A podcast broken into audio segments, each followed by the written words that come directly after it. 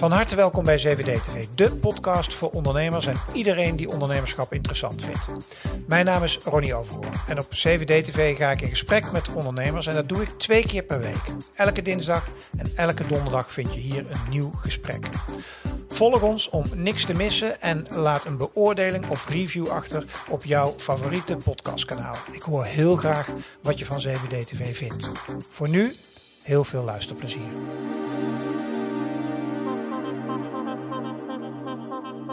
Bij mij te gast Raymond van der Klunder, beter bekend als Kluun. Want Raymond, ik al meteen over. Raymond, Raymond, Ja. Wat is het? Ja, en in Tilburg zei ze dan ook nog onze Raimond. Onze, onze ouders. Raymond. Onze Raimond of onze Riemon. En dus het is aan alle kanten. Dus het, werd, het was wel goed dat het op een gegeven moment Kluun werd. Ja, dat was ja, makkelijker ja. voor iedereen. Want ik las een paar jaar, ik las ergens een artikel van een aantal jaar geleden dat jij zei van ik ga met dat kluun stoppen en me gewoon Ja. meer. Maar dat is er niet van gekomen. Nee, zo zie je maar dat je nooit een, nooit een grote mond moet hebben van nou heb ik het gevonden. Nou, dat kwam omdat Familieopstelling, mijn eh, laatste roman, twee jaar geleden, Ja. dat zou het meest persoonlijke boek worden. Eh, dat ging, was echt een familieroman over, ehm, over Raymond van der Klundert en Ja. zijn vader en zijn moeder. Maar na een jaar schrijven kwam ik erachter dat ik eigenlijk dezelfde fout had gemaakt bij Komt de vrouw bij de dokter. Wat ook in het begin volledig autobiografisch was. Wat eigenlijk niet zo interessant is. Ja, dat is interessant als je Napoleon bent of Winston ja. Churchill eh, of Johan Cruijff, maar niet als je Raymond van der Klundert bent. Dus ik liep er tegenaan. en In een, dan moet je ook alles echt vertellen wat er gebeurt. Maar ja, zo interessant is die familiegeschiedenis niet. Het wordt pas interessant als je het ver- verhaal wat je wilt vertellen, als een verhaal vertelt. Dus Hmm. ooit, twintig jaar geleden, had ik bij Komt de Vrouw bij Dr. Stijn en Carmen geïntroduceerd. En nu trok ik weer de jas van Stijn aan. En toen ging de roman ineens en kon ik allerlei dingen verdichten. En mijn moeders geschiedenis een beetje groter maken. Mijn vaders geschiedenis een beetje kleiner. Eh, dus toen dacht ik ook, ja, maar ja, als het dan toch geen echte roman wordt, waarom zou ik dan mijn merknaam Kluun weggooien? Dus ik ben gewoon teruggekrabbeld eh, en het, het werd weer Kluun vandaag. Ja, helder. Ja, su- super helder. Ja. Ehm, ik wil het met name een beetje hebben over het ondernemerschap. Want Ja, het zit natuurlijk op CVD-TV, hè, Ja. ondernemerschap. En, eh, maar ik, ik had ook een paar leuke soort van dilemma's. Vond ik wel leuk om mee te beginnen. Want ik heb natuurlijk een beetje lopen researchen, wat ik nog nooit eerder had gedaan. Eerste dilemma. ehm, nooit meer schrijven Ja. of nooit meer luisteren naar Bruce Springsteen. Nou, dan maar nooit meer luisteren naar Bruce Springsteen. Want nooit meer schrijven, dat wordt wel een... Dat is levenslang als straf. En Bruce Springsteen, die... Hoe, hoe. Maar met wel pijn die vervang ik dan door, door, door de Arctic Monkeys en. Whatever. noem Ja, ja, ja, ja, precies. Ja, maar nooit dan- schrijven, dat weet ik niet hoe ik dat moet veranderen. Hoe ik moet vervangen. Nee. Oké, maar het was een goed dilemma. Ja, het was wel goed dilemma, ja. ja, ja, eh, en als mensen, want we gaan het verder niet over Bruce Springsteen hebben hier, maar dat is ook een heel verhaal. Want eh, daar ben je fan van en met een paar andere matties van je. En, Ja. Maar dan moeten ze maar googlen. Ja, dus je kunt toch niet meer naar de tour, dus het is al, ik hoef ook niet meer te plukken. Ik hoef Nee, niet meer te plukken. oh. Helaas. Ja. zoek het maar op YouTube op. Ja. Tweede dilemma, nooit meer op TikTok of nooit meer op televisie? Een vraag je als marketeer. Dan nooit meer... Poeh, shit, als je dit nou over twee jaar zou vragen, zou ik zeggen nooit meer TikTok. Maar tv Hmm. is toch nog wel belangrijk. En zeker ook voor lezers van boeken die... Even, de, de lezer is een 50 jaar, 50 plus vrouw die redelijk goed opgeleid is. Ja, Dat zijn de kopers van boeken. ja. En eh, TikTok is echt voor mij de toekomst. Dus dan nooit meer TikTok. Maar over twee jaar krijg ik spijt. Zometeen meer over TikTok en wat Ja. je daar eh, allemaal doet. Eh, je had het net al over je eh oude lui, over je pa- pa. Maar uit, kom jij uit een ondernemend nest? Nee, maar wel. Maar met, en toch vind, vond ik mijn pa is een ondernemende man altijd geweest. Mijn moeder ook. Maar ze hebben nooit ondernomen. Dus mijn vader die groeide op, ehm, gezin van acht kinderen. Na oorlogs Tilburg, textielindustrie. Dus die ging in het textiel.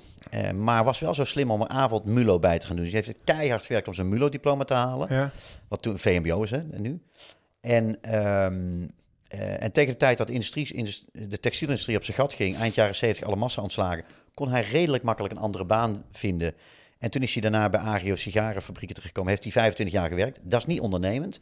Maar wel, hij heeft echt geswitcht en hij heeft het maximaal uit zijn carrière gehaald. Ja, ja.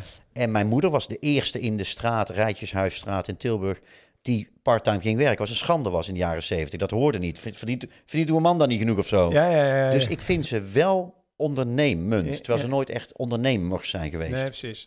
V- Mooi onderscheid, want dat, dat, je hoeft niet ondernemer te zijn om Nee. ondernemend te kunnen zijn. Leven ze nog, allebei? Of? Nee, allebei overleden. Mijn vader die, eh, was niet alleen ondernemer, eh, onderne ondernemer, dat klinkt ineens heel Ja, Rotterdam. is. Rotterdams. Ja. Nee, ondernemer. Ja, dat is Rotterdam. Ja, ehm, hij was niet alleen eh, ondernemend in zijn werk, maar hij was ehm, bingo master, eh, quizmaster, Sinterklaas, de kerstman, zanger in het Lovens Koor, eh, met, terwijl hij helemaal niet kon zingen. en Prins Carnaval. En hij overleed op de 11e van de 11e. Kreeg Echt? hij een, ehm, een hersenbloeding. Om, het was 12 uur s ochtends, maar mijn zus en ik hebben op de overlijdingsakte er 11 uur 11 van gemaakt. Als eerbetoon aan Prins Janus de eerste. Eh, dus toen overleed hij, dat is nu tien jaar geleden. En eh, mijn moeder die, eh, die ging toen meteen eigenlijk langzaam vervagen. Hmm. Die kreeg Alzheimer en die is ehm, nu vier jaar geleden overleden. Dus ja, die, het klassieke Alzheimer-patroon Ja. van aanleunwoning, Ja. tot met ges- gesloten afdeling. Of, Hmm. in- en dan, ehm, en die, die overleed met en rustig- een, een redelijk vriendelijke vorm van, eh, van Alzheimer. Dus mijn zus en ik hebben, eh, konden er heel lief voor zijn. En we hebben niet de enorme problemen meegemaakt die je vaak hoort van mensen Ja. met agressie en noem maar op. Ja, Ehm, ja. ja, dus ze zijn, ze zijn er allemaal niet, maar gezegende leeftijd hoor. Het was geen wiegje dood, zeg maar. Dus, Nee, eh, nee, nee, precies. goed. Ehm, Help, ik heb een puber. Dat is je laatste boek, toch? Hè? Ja. Die, eh, die, die is nu behoorlijk aan het... eh, ik zag ergens een taart voorbij komen met eh 50.000. Ja, Het is natuurlijk helemaal niks nog als we het vergelijken met, met zeg maar, je eerste grote succes. nee, maar dat gaat ook nooit meer lukken. Nee, Niemand trouwens kan er nog een miljoen boeken verkopen. Is dat jammer dat je zo hard gepiekt hebt dat je er nooit meer overheen Nee, kan? Nee, nee, echt, dat is zo... en dat- je, je bent niet de eerste die het vraagt, uiteraard. Nee, dat was zo uniek. En ehm, eh, er worden nog wel eens boeken een miljoen stuks verkocht. 50 tinten grijs bijvoorbeeld was er Ja. nog één. Maar ja, dat is, dat is, dat is vrijwel onmogelijk. En nee, ik, ik heb daar nooit meer aan, eh, nooit aan gerefereerd. Zo. Dit, dat, is, dat is prachtig en mooi. En ik heb nu eh 50.000 boeken in drie maanden verkocht. Nou, dat heb ik nog nooit meegemaakt. Ook niet meer komt de vrouw bij de dokter. Mhm. En dat zal waarschijnlijk ergens tussen de 150 en 250.000 eindigen. Ja. Maar valt best mee te leven, moet, ik- kan ik zeggen. Jawel, en jij Nee, kan- maar ik, ik refereer niet meer aan die miljoen, aan- ja, miljoen, aan 1,2 inclusief buitenland. Dat, dat kan niet. Dat, Nee. eh, Eh, jij doet dit allemaal zelf, hè? Dat, het uitgeven nu. Of hoe heb, laat, ik, zo- laat ik het open vragen. Hoe heb je Help, ik heb een puber, hoe heb je dat uitgeefproces ingeregeld? Eigenlijk doe ik precies hetzelfde. Met dit verschil dat ik nu alles bepaal. Hmm. En het klinkt heel stoer, zelf uitgeven.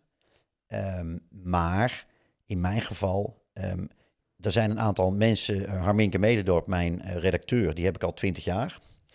Die is begonnen met eh Rut Bergmans, PR-adviseur, waar ik ook al jaren een aantal projecten mee heb gewerkt. En Maarten Richel, die kende ik niet, die doet productie en sales. En die hebben het model omgedraaid. Die hebben gewoon gezegd, ehm, wij zijn geen uitgeverij, maar wij faciliteren. En eh, jij geeft uit, beste schrijver. Mhm. Je betaalt alles. En dan besta je aan ons twee jaar eh, een royalty af. En niet dus eeuwig. Wat, dus eigenlijk is het precies omgedraaid. Daarbij een uitgeverij kreeg ik de royalties. En de nevenrechten, dus eh, film, theater, tv, eh, nou, noem het allemaal op, werden keurig, nou werden keurig, die werden verdeeld tussen uitgeverij en jou. En nu doe ik alles zelf. Dus het is ondernemen. Maar ook dat klinkt stoerder dan het is, want de break-even point ligt bij ongeveer 8000 stuks. Ja. Ja, en zonder te arrogant te zijn, ik weet wel dat ik die 8000 stuks haal, Mm. maar ik heb wel de beste mensen omheen. Mhm. En hele senior, hele goede mensen die echt alles van het vak weten. En ik, ehm, soms dan gooi ik iets op en dan zeggen ze, ja, ik zou het niet doen. En dan meestal doe ik het ook niet. En soms wel. En dat is ook goed, Mm. want ik betaal het toch. En eh, ja, dus ik, ik werk met, nog steeds met de beste mensen. En ik ben zelf uitgever. En ehm, ja, het is, het is financieel niet onaantrekkelijk. En ik vind het ook leuk om uit te geven en te marketen en te bepalen. Dat vind Ja. ik echt leuk en risico te nemen. Maar nog wel dat royalty, want waar, je kan ook tegen die gasten zeggen, ik eh, stuur maar een factuurtje en een fee en eh, je krijgt gewoon voor je diensten betaald en, Ja. eh, en voor de rest boeit het niet en regel ik het verder allemaal zelf. ja, Dus maar doen zij niet. dat doen zij niet. Nee, daar hebben ze ook gelijk in. Want? Nee, zij willen mee. Nou, zij, zij voelen zich ook verantwoordelijk voor het succes van het boek. Hm. En daar zijn ze aardig goed in geworden. Ze hebben echt. ja, ze, hebben, ze zijn nu een jaar of drie, vier bezig. En eigenlijk hebben ze. Nou, ik denk dat 90% bestsellers zijn. Dus dit is hun model. En als je met hun nog samenwerkt, moet zo. Nou, en ik Ja. wil met hun samenwerken. ja, ja, ja, they call the shots. Ja. Is het zo dat als jij dan niet, eh, want er zijn natuurlijk genoeg mensen met schrijvers eh, ambities, eh, Ja. ik denk meer dan dat er misschien kunnen schrijven, Ehm, dan is het model van, een, van naar een uitgever stappen best een moeilijk model, hè? Om, laat ik zo zeggen, Ja. als je er ook nog iets van geld mee wil verdienen. Ja, dat is, nou, dat is heel grappig. Nu is net of we dit hebben voorbereid. Maar wat jij nog niet weet is, ik ga een ehm, op, moet ik even denken, ik geloof eh, z- eh, 16 mei of zo, maar dat moet je, ga ik een, ehm, een, ehm, een training geven. Want die vraag van, ja, moet ik het dan zelf gaan uitgeven? En als ik kan dat wel? Ja. Eh, die ga ik daarin beantwoorden. En spoiler, het is niet makkelijk om, ja, het is makkelijk om zelf je boek uit te geven. Ja, Het is niet makkelijk om dan ook nog een succes ervan te maken. Mm. Wel als je al een naam hebt en alles ervan weet. Maar ehm, het kan als een uitgever in jou gelooft. Ehm, en dat is nog heel wat, hè? want een uitgeverij die krijgt zeg maar, zo'n stapel manuscripten per week. Ja. En die geven zo weinig uit per maand. Terecht ook. Ehm, dus als een uitgeverij in jou gelooft, dan krijg je wel meteen die hele, dat hele brok ervaring op alle gebieden die jij echt niet hebt als beginnend auteur. Het is anders bij onder boeken zoals jij schrijft. En mijn Mm. vrouw die schrijft ook boeken, die zit in de coachingswereld. Mhm. En die heeft trouwens ook een uitgever, maar toch dat... Die verkopen ook heel veel. Mhm. Nou ja, als, als je dagvoorzitter bent of je geeft aan klanten en zo. Maar als je eh, niet in de, zoals ik help, ik heb een puber of roman schrijft, Ja. ja, dan gaat dat echt niet lukken. En dus als jij denkt van als eh beginnend schrijver en je, bent, je hebt een thriller of een roman geschreven ehm, of een zelfhulpboek, nou, wordt niet makkelijk. Het kan, je kunt mazzel hebben of je kunt alles goed doen, maar je mist ook zoveel ervaring. Het is niet alleen, ehm, het, is niet alleen het investeren, want dat valt wel mee. Eh, het investeren in een boek, ja, 2000 dru- stuks drukken, nou, dat is al Ja. een paar duizend euro. Maar hoe doe je de marketing? Waar zit je netwerk? Hoe krijg je PR? Hoe...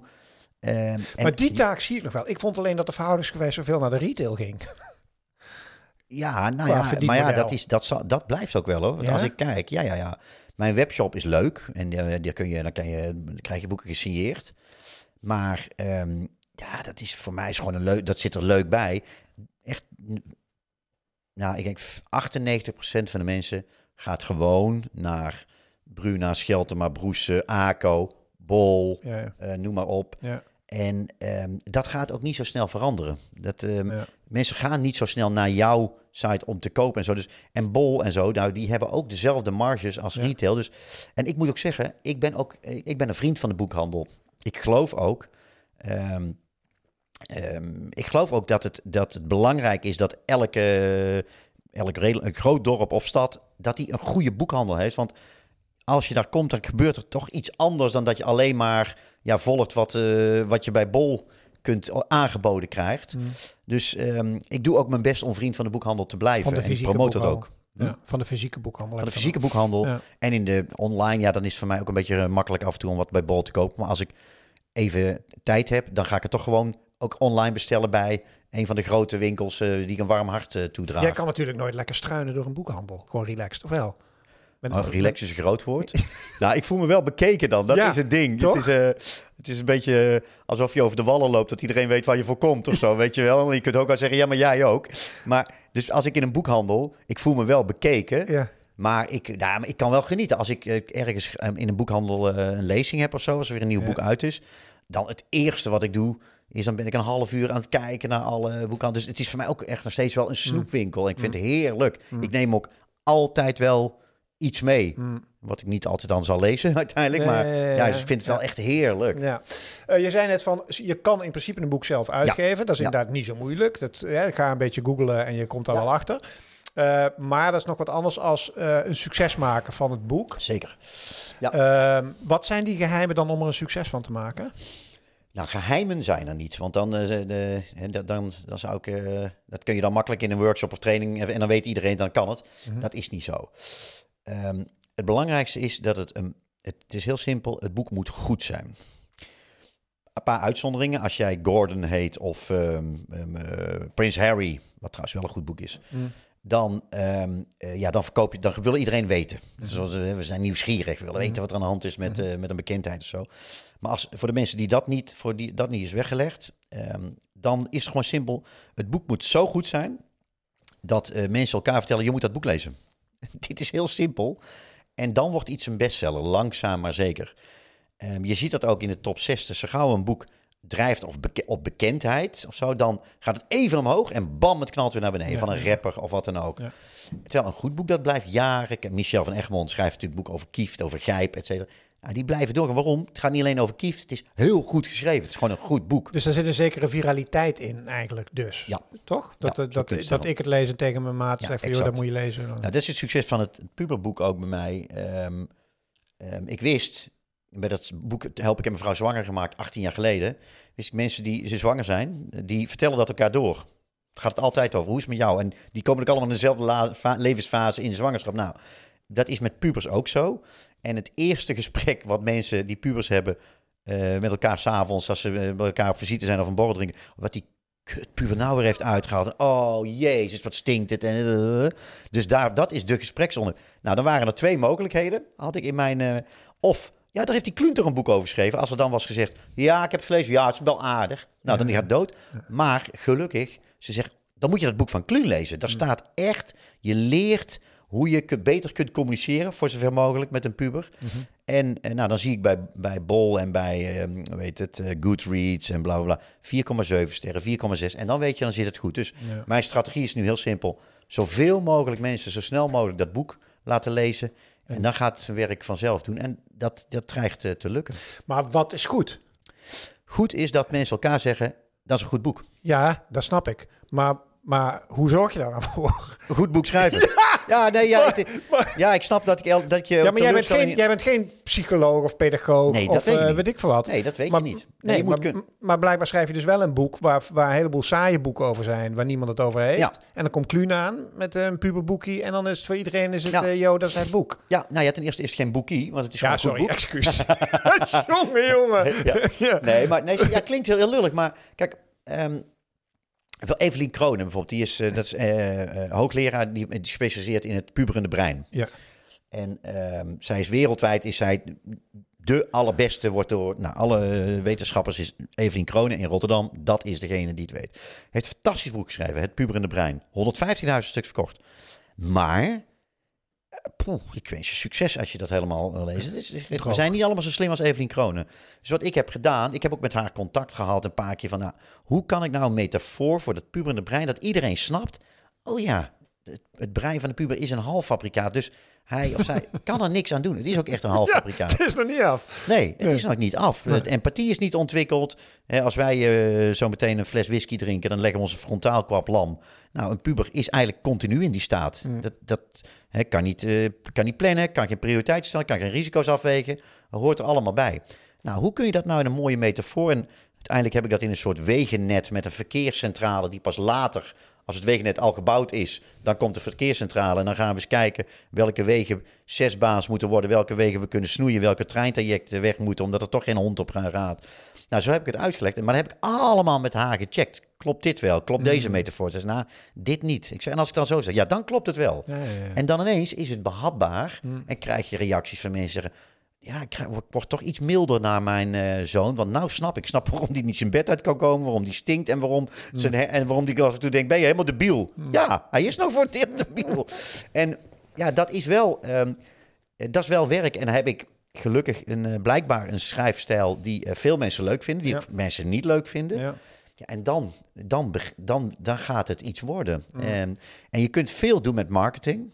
ja, want dat zou mijn vervolgvraag zijn. Want hoe heb je dat gedaan met dit boek? Ehm, wat ik heb gedaan is, ik wilde een heel sterk beeld hebben. En eh, dus ik ben met een goed bureau samengewerkt, Moker. Die hebben, ehm, vind ik, ik vind dit mijn beste boekcover tot nu toe. Ik vind het prachtig. Echt zo, hè, een, een hangende puber. Ja. Nou, daar krijg je dan ook meteen foto's van mensen van die ook zo'n puber hebben hangen. Hup, kun je weer op social zetten. Ja. En daar ga ik dit jaar nog meer mee doen met die eh, hangpuber. De titel is simpel. Ja. Die is namelijk, en ook een vervolg op Help, ik heb mevrouw zwanger gemaakt. Die 200.000 mensen is 18 jaar geleden hebben gekocht. En ja, als je zwanger bent, dan krijg je een baby en dat wordt ooit een puber, in de meeste gevallen. Ja. Ehm, dus dat helpt ook. En ik heb wel ehm, in het begin ook, ik heb ook de mazzel, als je eenmaal een bekende naam hebt, dan eh, kom je wel terecht bij een eh, talkshow en dan willen kranten interviews en zo. Ja. Moet je wel hard aan werken ook, eh, maar dat, ik heb de me Dat is wel een voordeel. de- ja, en, ehm, en dan gebeurt dat. Dan krijg je bekendheid en dan wordt dat boek ineens op. En ik heb wel voor het eerst ook, daarom vond ik het, dat vind ik wel leuk van zelf uitgeven. Ik heb wel besloten, ehm, oké, dit, is het misschien, dit is een heel fijn eh, cadeau voor de feestdagen. Eh, want mensen weten toch niet wat ze elkaar moeten geven. Nou, zo'n puberboek, dat is lekker 20 euro. Hopsakee, dan zijn we weer klaar. Hebben we dat Ja, weer. ja. Eh, dus ik heb besloten om flink campagne te gaan voeren. Dat betekent, ik heb outdoor campagne gedaan langs de snelwegen. Ik heb ehm, in winkelcentra van die grote dingen van Ocean eh, billboards. Ik heb een radiocampagne gevoerd in de week, weken voor kerst op Sky. Wat natuurlijk een vreselijke zender is, maar met kerst iedereen naar luistert. Radio 2 was nog beter, maar die was niet te betalen. En dan, ehm, Eh, dus ik heb gezorgd dat zoveel mogelijk, dat het na de eerste golf, eind oktober, begin oktober, of begin november van eh, PR, daarna zoveel mogelijk media nog. Ja, en toen merkte je wel overal, ja, dat, is, ik weet niet wat de naamsbekendheid van het boek is, maar hij is hoog onder. Mm. eh, Maar ouders- hoeveel geld gooi je daar dan in, in marketing, in paid? Nou, ik heb. ehm,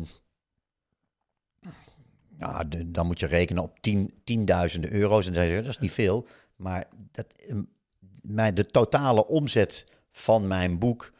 ehm ja, ga maar na. Het is heel simpel. Als ik er 50.000 nu heb verkocht, keer 20 euro, Dat is een miljoentje, hè? dat is een miljoentje. Ja, En, miljoen, eh, sorry voor mijn tjus. ja, nou ja, het is wel. Ja, dat is een er boek kan- en een miljoen. en er gaat heel veel af. En de druk, ik betaal nu als de druk en de dit Ja, en de ontwerpers en eh, de, nou ja, de, ik betaal mijn team. Dus je moet wel kijken hoeveel ga ik uit. Laat ik zo zeggen, het zou, het zou, niet, het zou niet verantwoord zijn geweest om hier eh, twee ton in te steken. Nee. Dat zou ik heel graag hebben gedaan. Mm. Maar, ehm, dus in deze orde van grootte moet je denken. Maar bovendien ook, doordat ik mijn eh, Instagram heb, ik heb mijn TikTok, ik heb Ja. mijn LinkedIn. eh, en daar, dus daar kan ik ook mijn creativiteit op kwijt. Maar daar zit ook, ja, daar zit ook mijn bereik op. Dus Ja. het is een mix tussen betaalde media, eh, free publicity en social media. Ja, wat vonden de, de doelgroep uit het boek ervan? Want die zitten veelal op TikTok, Ja. dus de en masse. Ja, Hoe is dat? Om met die gasten te communiceren ja daar? ik vind dat heel leuk. Ja, ik Ja? ben gek op. ehm, ik ga ook eens in de mm, nou, twee weken gemiddeld zit ik op een middelbare school. Ehm, doe ik gratis. Dat vind ik ja van, voor een vriendelijk gezicht en een bos bloemen. Ja? Ehm, dat was ook voor dit boek handig. Dus ik heb ook eh, daar steeds de vragen, alle vragen die ik beantwoorden wilde krijgen, ook door pubers, heb ik daar gesteld de afgelopen jaren. Ehm, ja, ik ben, op, ik ben natuurlijk voor dat soort types. Ik ben natuurlijk gewoon een, eh, een oude man. Ik ben een boomer. En dat Ja. is ook zo. Ja. Ehm, maar ik richt me op TikTok op dat soort. eh, ik richt me eigenlijk alleen op middelbare scholieren. Terwijl de werkelijkheid is dat 50% van de kijkers is ouder. Dat zijn twintigers, dertigers Ja. en een paar verdwaalde veertigers en vijftigers. Ja.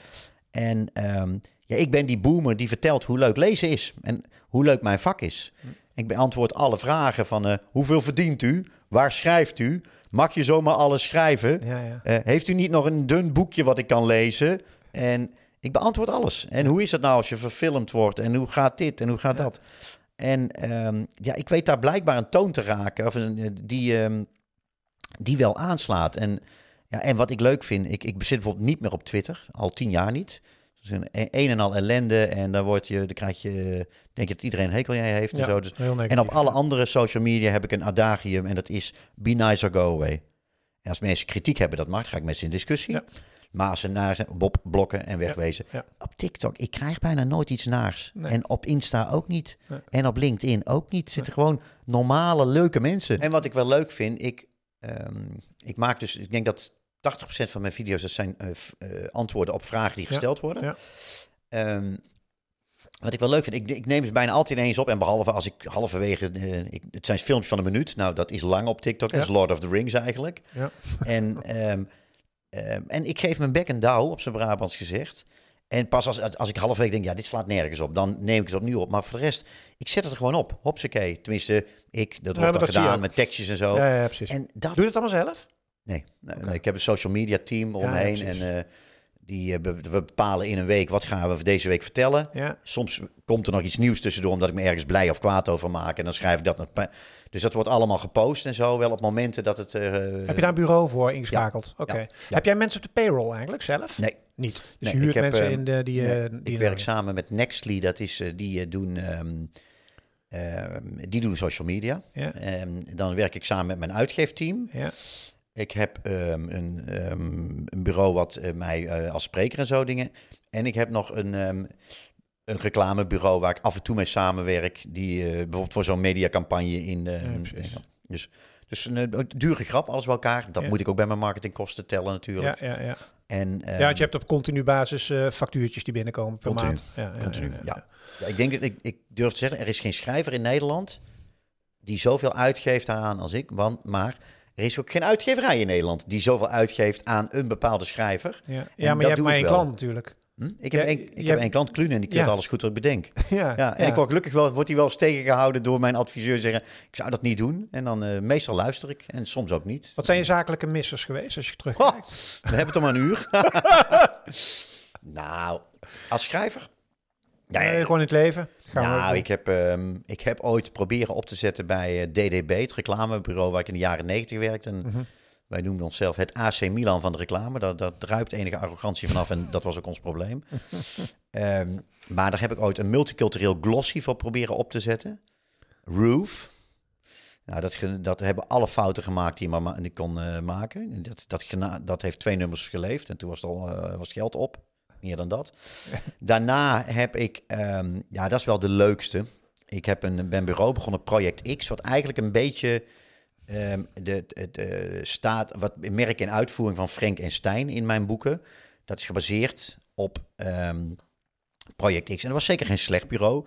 Maar ik deed het met Don Kouwenhoven, die helaas is overleden. En we hebben samen, uh, deden we allerlei uh, creatieve marketingprojecten, maar die we ook zelf initiëren. Dus elke keer stapten we ergens in waar we eigenlijk geen verstand van hadden. Nou, en dat, dat bleek ook. We, dat, er is eigenlijk niets een succes geworden, maar we hebben wel veel lol gehad. Dus we hadden wel veel klanten ook, en grote klanten, Heineken, ministeries, KPN. Dus we verdienden wel geld. Maar dat ging allemaal net zo hard weer aan onze eigen initiatiefproject. En het leukste initiatiefproject en de grootste misser was tijdens de Gay Games in 1998, het grootste evenement, sportevenement in Nederland sinds de Olympische Spelen. Ja. Hadden wij bedacht dat ieder land zijn eigen gay-vlag kreeg. Dat was een idee, kwam binnen via een uh, jongen die uh, bij ons kwam dus iedere land kreeg uh, de kleur wat rood, kreeg de kleur roze. Nou, nu moet je er enorm om lachen. Uh, maar er was niet eens de, de, de was niet eens zo bekend eind jaren 90. Maar we deden verder ook alles fout wat onze eer, de eerste beste uh, koopman op de Albert Kuip ons had kunnen vertellen. En uh, dat werd een enorme zepert. Ik hoor het Don nog zeggen na twee dagen. Ons kantoor was veranderd in doos. Er stonden dozen met merchandising van fluitjes, petten, t-shirts, vlaggen. Vla uh, t-shirts met V-hals, t-shirts met ronde hals. En dan met acht of negen de Japanse vlag in het roze. De Amerikaanse, de Engelse, de Duitse, de Belgische, de Franse, de Italiaanse, de Spaanse en de Nederlandse. En het jaartal erop, om nog zeker te zijn dat je ze niet meer kunt verkopen in twee weken. En eh, toen heb ik jaren later heb ik, uh, de roman Haantjes geschreven daarover. Ja. Over conceptuele overmoed en mannelijke arrogantie. Mm -hmm. en, um, en die verkocht heel goed, 150.000 stuks. En toen zei ik tegen Don, ah, ik heb er toch nog wel geld aan verdiend aan de debakel. Ja, jij wel, zei hij. ja, dus uh, dat is wel het grootste debakel. Wat leren we daarvan, van dat soort debakels? Ja, het leertje, denk ik... Um, ik ben iemand, ik zit altijd vol ideeën en ik ben ook ja. optimistisch en ik durf. Mm -hmm. Dus ik, heb, ik, ik leer dat uh, niet elk idee is wat ik durf, dat dat ook een goed idee is.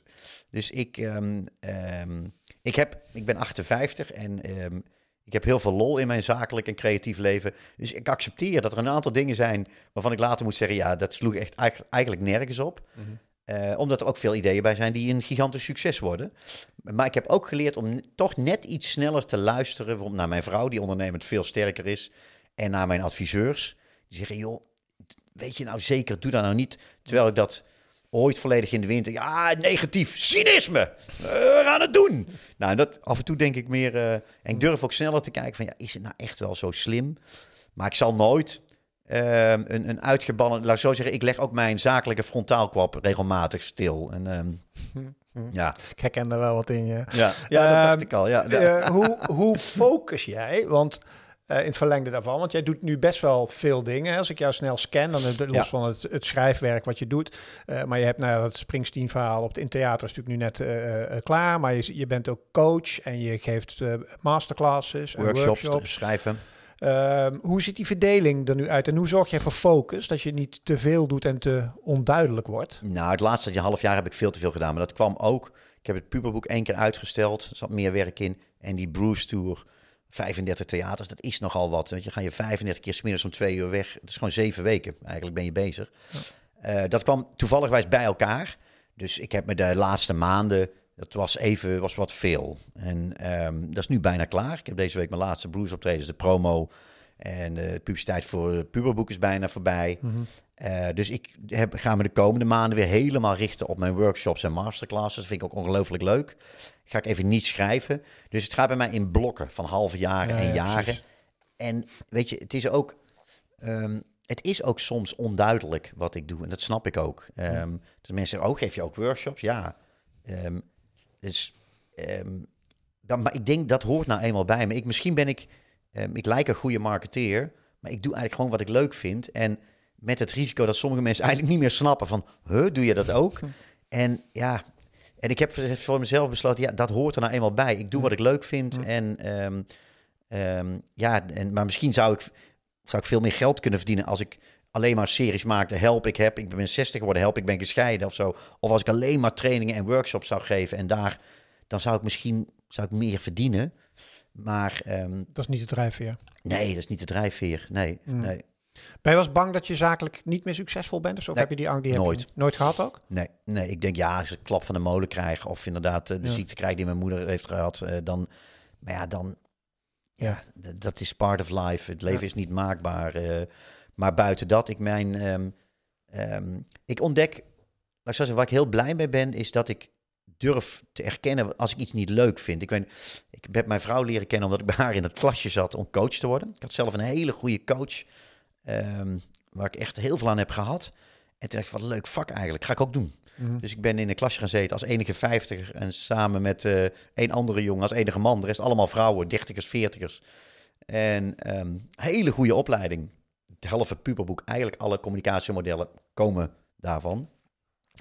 En, ehm, en ik heb ook hele leuke klanten gehad. eh, en dan moet ik even discreet, maar een, een, een, iemand die in de top zit bij een groot biermerk. En een, Mhm. een vrouw die, die, die echt doorstoten bij een corporate en zo. En dat vind ik hele leuke leuke ge- gevallen hoe je daar, hoe die mensen kunt helpen. Maar ik merkte al snel, ik ga te snel adviseren.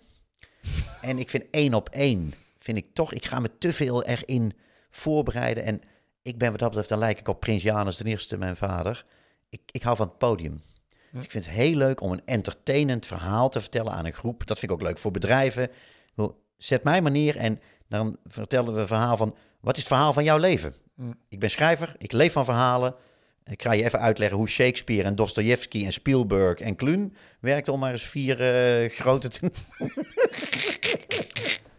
En zeg, zo zit elk verhaal in elkaar. En Andersen en Grimm en zo ook. Nou gaan we het verhaal van jouw leven eens Ja. bekijken. Ronnie, vertel eens. Ja. Wat is de achterflap? En hoe wil je dat die is? En hoe gaan we dat doen? Dus is een kruising tussen coaching en verhalen vertellen. Ja. En dat vind ik wel leuk voor een groep. Dan geniet ik.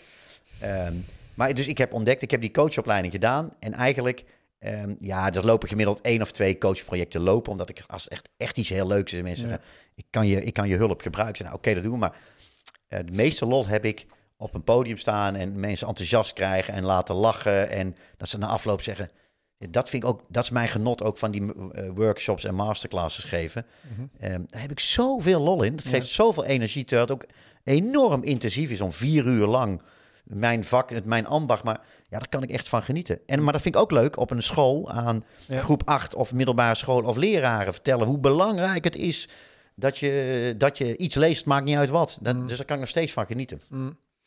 Hey, ehm, we zijn allebei ongeveer dezelfde leeftijd. Ehm, en eh, op een gegeven moment dan eh, krijg je ook te maken met, eh, met het, het vergankelijkheid van het leven. Ja, Ja. wij nog niet. We zijn natuurlijk stering jong en vitaal. Nou, Maar jij hebt daar natuurlijk in verschillende, ja, nou goed, kijk, kijk maar terug Ja. naar je boekencarrière Ja. mee te maken gehad. En sterker nog, een van de thema's misschien wel. Nou, ook een maat van je waar je dat Broes-ding mee had, hè? Ja. Die vroeg is overleden.